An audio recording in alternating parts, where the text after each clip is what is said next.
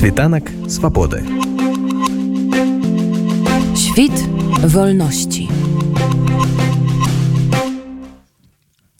На пачатку паўнамасштабнага ўварвання рассіі ва ўкраіну абароне Кіева і вобласці вялікую ролю адыгралі фармаванне тэрытарыяльнай абароны. Гэта самыя сапраўдныя грамадскія ініцыятывы з людзей, якія вырашылі бараніць сваю зямлю. Ім нават грошы за гэта не плацяць яны служаць бясплатна, бо прынялі рашэнне змагацца з акупантамі.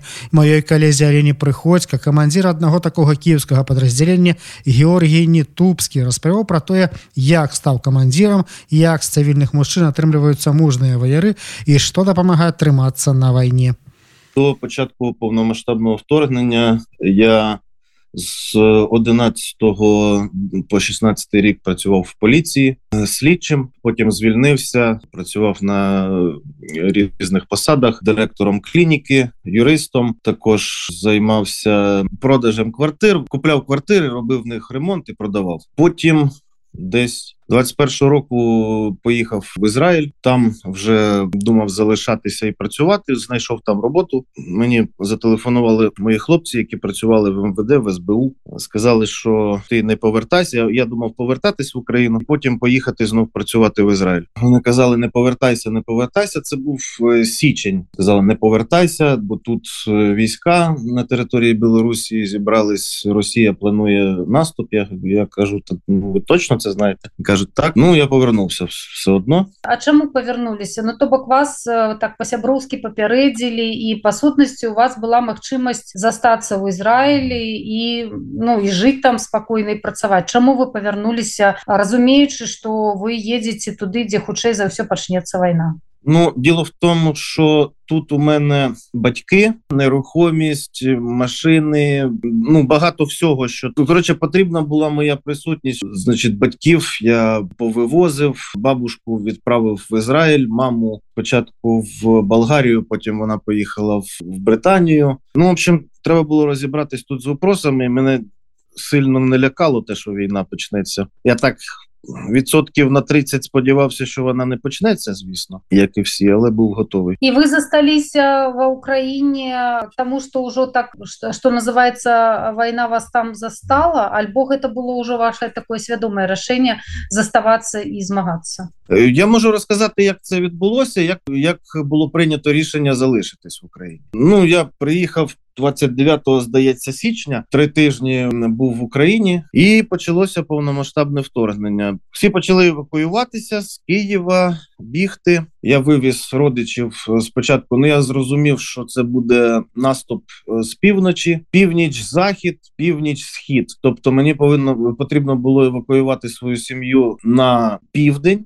Саме південна точка із тих, що були по Києву, це батьківський дім. Батько живе у Бортничах. Це окраїна Києва, частний сектор. Там в нього дім великий, і це виходить південний схід. Туди б війська не дійшли. Ну якщо б дійшли, то то вже в останню чергу, тому що їм треба було перейти Дніпро. А мости я розумів, що були заміновані, тобто вони б туди не дібрались. Я туди вивіз своїх всіх рідних. Потім постало питання, що робити: ховатися. Ну я так мене звісно думки закрадувалися, щоб десь поїхати в район Черкас, в центральну Україну бо тут вже почали літати ракети. Почався наступ, вже пробирались до Києва ворожі війська. От якесь таке. Внутрішнє відчуття не дало просто не дало можливості мені прийняти рішення, щоб кудись звідси поїхати. Заж я дзвонив своїх хлопців, які працювали зі мною раніше в, в МВД і кажу, хлопці, треба щось робити. Ну у нас є які варіанти. У нас є варіант піти в воєнкомат. Як солдати, ми в принципі ну не дуже кваліфіковані, не дуже компетентні. Я кажу, ми бувші поліцейські, і ми можемо принести більше користі, якщо підемо восстанавлюватися в поліцію. Хлопці кажуть, так нас вже зібралось шість чоловік, всі офіцери поліції у відставці. Ми завтра на 12 годину дня. Я не пам'ятаю, який це був день, десь мабуть, це 20 7 лютого, десь так. Вони сказали: так, завтра на 12 годину дня всі їдемо на Владимирську 15, це головне управління внутрішніх справ по місту Києву. Будемо там сидіти. Я вже договорився. каже, нас всіх восстановлять без екзаменів, без нічого. Приймуть назад на роботу, роздадуть автомати, і ми будемо е, працювати далі, далі з поліцією. Ну я що? Я е, а я на лівому березі, а документи в мене на правому. Я через всі блокпости, через мости е, лічу, відкриваю сейф, достаю там все диплом, наказ про звільнення, трудову книжку. Це все зібрав і поїхав же ж на, на Владимирську 15 під головне управління. Ні Сереги, ні пацанів, нікого нема. Владимирська закрита, сидить тільки дежурний. Я говорю, восстанавливатися тут.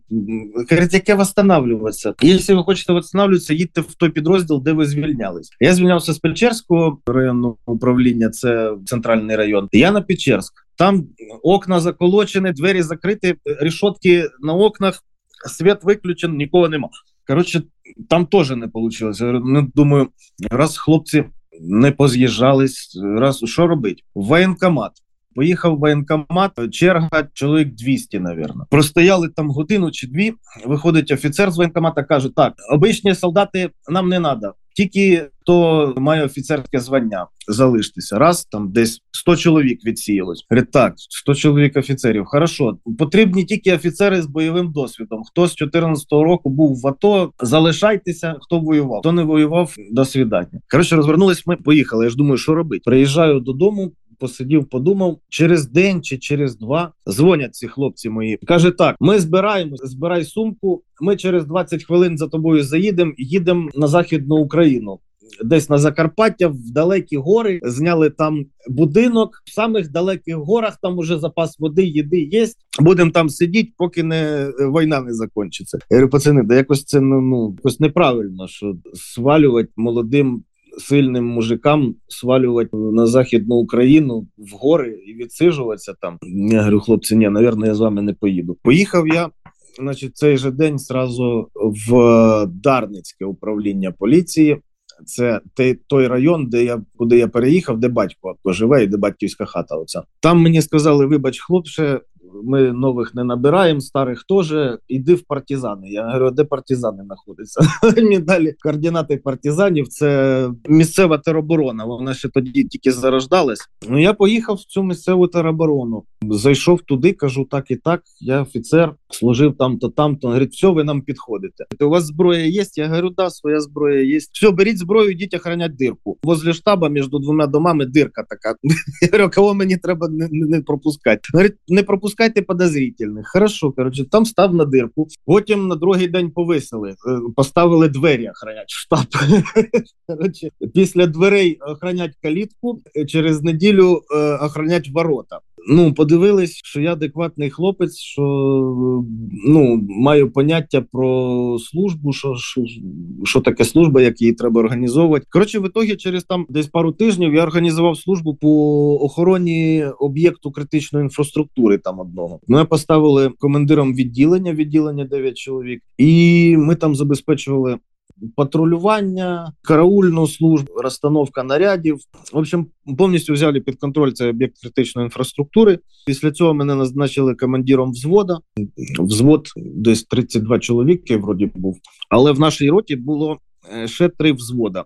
З першого другого взводів почали там хлопці. Ну це вже десь другий місяць війни, коли вже трошки визволили Київську область. Ми пацани так побачили, що вже нагальної потреби в тому, щоб ходити і служити безплатно партизанити, вже в них немає такої надобності. Вони почали трошки розбігатися. А хто не розбіжався, хто такий сумлінний, каже: Ну от я з другого взвода, у мене хлопці там розійшлись, а я не знаю, куди мені приткнутися. Я говорю, давай до мене взвод. І коротше насобирав я взвод в воєнному понятті. Взвод це до 30 чоловік. Я там на, на, назбирав 54 чоловіка в своєму взводі. По воєнному взвод має мати 4 відділення. Ну по 5-6 чоловік. Ну це виходить там близько 30 чоловік. У мене був взвод із 7 відділень. Коротше, повністю ну які не підходить під, під е, воєнні поняття. В ітогі подальшому, ну а тероборона вона для того, щоб існувала, вона має якось допомагати армії, і армія. Ну ми під якоюсь військовою частиною маємо бути.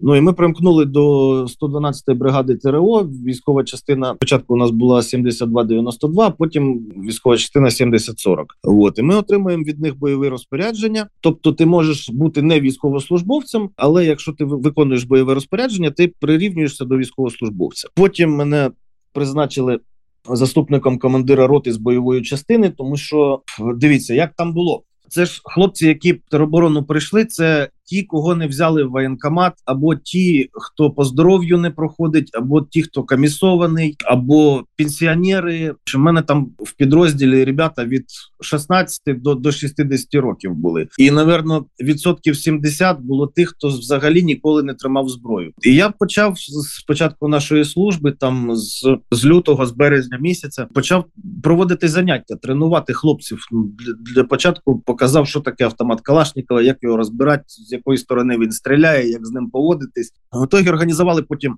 постійні виїзди на полігони, е, інструктора. У нас були, і у мене з моєї роти, ну я вже зараз командую ротою 126 чоловік. От з моєї роти, виходить, хлопці стали найбільш натренованими з усього нашого батальйона. Хоча це не штурмова рота, це не не розвідрота, це звичайна рота озброєної охорони, можна сказати. Але вони вже в мене вміють працювати. Вони вже знають тактику ведення бою в лісі, в місті, в приміщеннях. Вони вже в мене дома вміють штурмувати, працювати двойками, четверками. Чуть ли не там сальто з автоматом роблять. Слухайте, ну атрымліваецца, што ось за досыць такі кароткі тэрмін з звычайных цивільных людзей вы зрабілі ўжо па сутнасці таких ваяроў за дивіться да получається хлопці мої які ізначально були в мене в теробороні в моєму підрозділі багато з них хто пішов в ЗСУ піхоту в різні частини деякі е, от мене був допустим Богдан один Богдан позивний каратіст. Ну ніколи не тримав зброю, але після наших тренувань його взяли в десантно-штурмову бригаду. Інші хлопці вони пішли в 23-й окремий батальйон спецпризначення. Місяць відвоювали під Бахмутом. Зараз їх вивели звідти.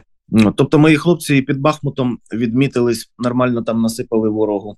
Як психалагічна людзі пераходзіць звычайныя цывільныя людзі якія там і не думалі быць ваярамі А гэта ж звычайныя цывільныя людзі як яны перайшлі психалагічна перастроіліся коли приходить е, біда коли приходить війна чоловік приймає для себе рішення або я захищаю, або я тікаю. І всі, хто прийняв рішення захищати свій дім, своє село, своє місто, свою родину, вони це рішення прийняли, і вони від нього вже не відступають. Плюс, е, якщо дивитись на службу тут в Києві на, на околицях Києва, нормальні умови. В принципі, всі мають змогу після служби поїхати додому, виспатися, побритися, поїсти гарно. А хлопці, які от е, воюють зараз мої на Бахмуті, вони розказували так, що приїжджаєш туди, чотири дня ти, допустим, на бойових, не бритись, не митись, взагалі такого поняття немає. Повзеш по болоту, весь грязний, упав, поспав 4 години, піднявся, побіг, їсти, варити на якихось буржуйках на кострі, там на вогні. Їх вивели, кажуть, у вас є два дня. Вони там, звісно, там купаються. Е, від'їдаються, відсипаються, але ви знаєте, я ну від жодного з хлопців, які зараз воюють, не чув, що їм там щось важко. Діло в тому, що дуже багато вирішує на, на війні е, юмор. Вони всі сміються, вони всі з юмором шутять. Та й у нас тільки юмор допомагає справитись з будь-якими з будь-якими негараздами. Чим більше нас б'ють, тим більше ми крепшими становимося. Якое рашэнне вы для сябе асабіста прынялі калі для вас скончыцца вось гэтая ваша вайна Я думаю коли або ми відійдемо на кордони 91-го року або коли візьмемо Крим сподіваюсь що відтолкнемо їх може хоча б до кордонів 15-16 року і це ця війна вже перейде не в активну фазу а в, так, в таку стагнацію тоді я зможу для себе видохнути От, а поки що поки що служу. Весь гэты час вы а, працуеце бароніце краіну за свае кошты вам нічога не плацяць вы не на заробках там Ні, нічого не платять. е, Ми все за свої гроші. Купляємо собі одяг, форму, продукти, бензин. Це все за свої гроші. Один раз нам дали в грудні місяці одноразову допомогу, трошки грошей виплатили. Так, якщо розбити це на 10 місяців, то там взагалі мелоч. скажите чаму такое становішча Таму что пакуль э, для вас там няма ніякага пэўнага статусу Я не знаю, це вам треба питати у, в- у влади, у київської влади.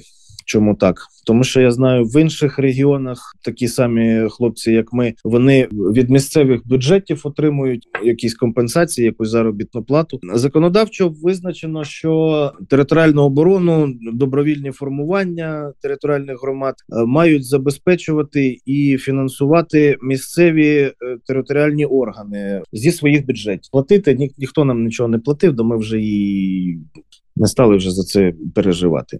Більшість із нас працює, більшість із нас має збереження.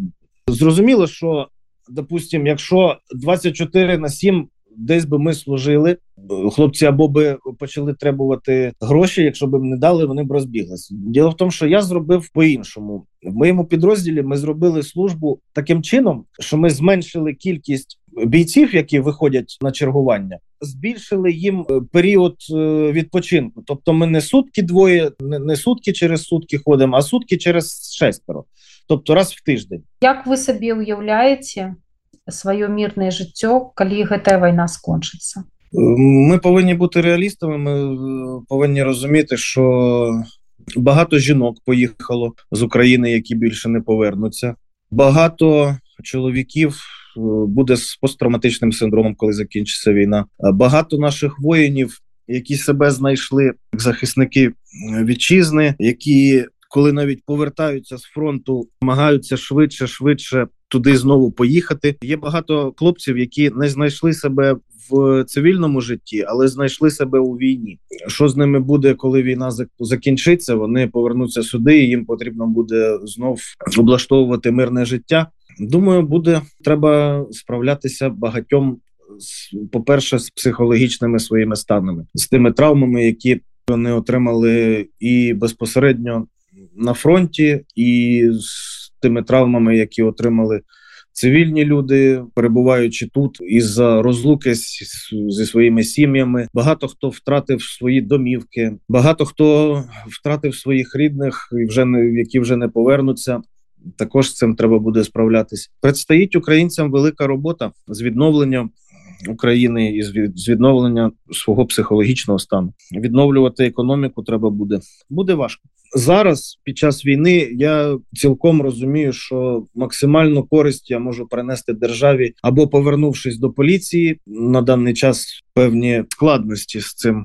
Якщо в мене вийде, то я би повернувся до поліції. Якщо ні, то я буду в теробороні до кінця війни. А після війни, коли тут стабілізується стан, е, я думаю, що я, мабуть, поїду в Ізраїль працювати. Мені ще треба трошки заробити грошей. От і повернусь потім в Україну. Тут строїти бізнес. вы ад дзяржавы за сваю працу вось за тое ж як вы абараняеце сваю краіну э, грошаў не атрымліваеце але можа пэўныя адзнакі ўдзячнасці ёсць з боку дзяржавы да вашай працы Да, справа в тому, що багато добровільних формувань це от е, хлопці, які не змогли піти в армію, чи яких не взяли в армію. Отак, от як, як і ми, вони консолідувалися, сплотилися разом і стали на оборону своїх міст, своїх сіл, своїх територіальних громад. Зараз така тенденція, що багато з, з них просто з цих е, формувань розвалилося. Е, Наш підрозділ на дуже хорошому рахунку у командирів військових частин, з якими ми співпрацюємо, у командира бригади, яка яка обороняє Київ, е, якій ми безпосередньо підпорядковуємося, Е, то наш підрозділ, е, як, як ви кажете, гроші не платили, але нас відзначають нагородами. Там хлопці отримують і, і грамоти, і дехто отримує медалі. Ну от я недавно отримав медаль за оборону Києва та Київської області. Це ще за перші дні, коли ми в лютому, в березні, коли тут були орки, то ми всі стали на оборону. За те, що я взяв на себе командування цими хлопцями, то отримав медаль. Світанок свободи. Świt wolności.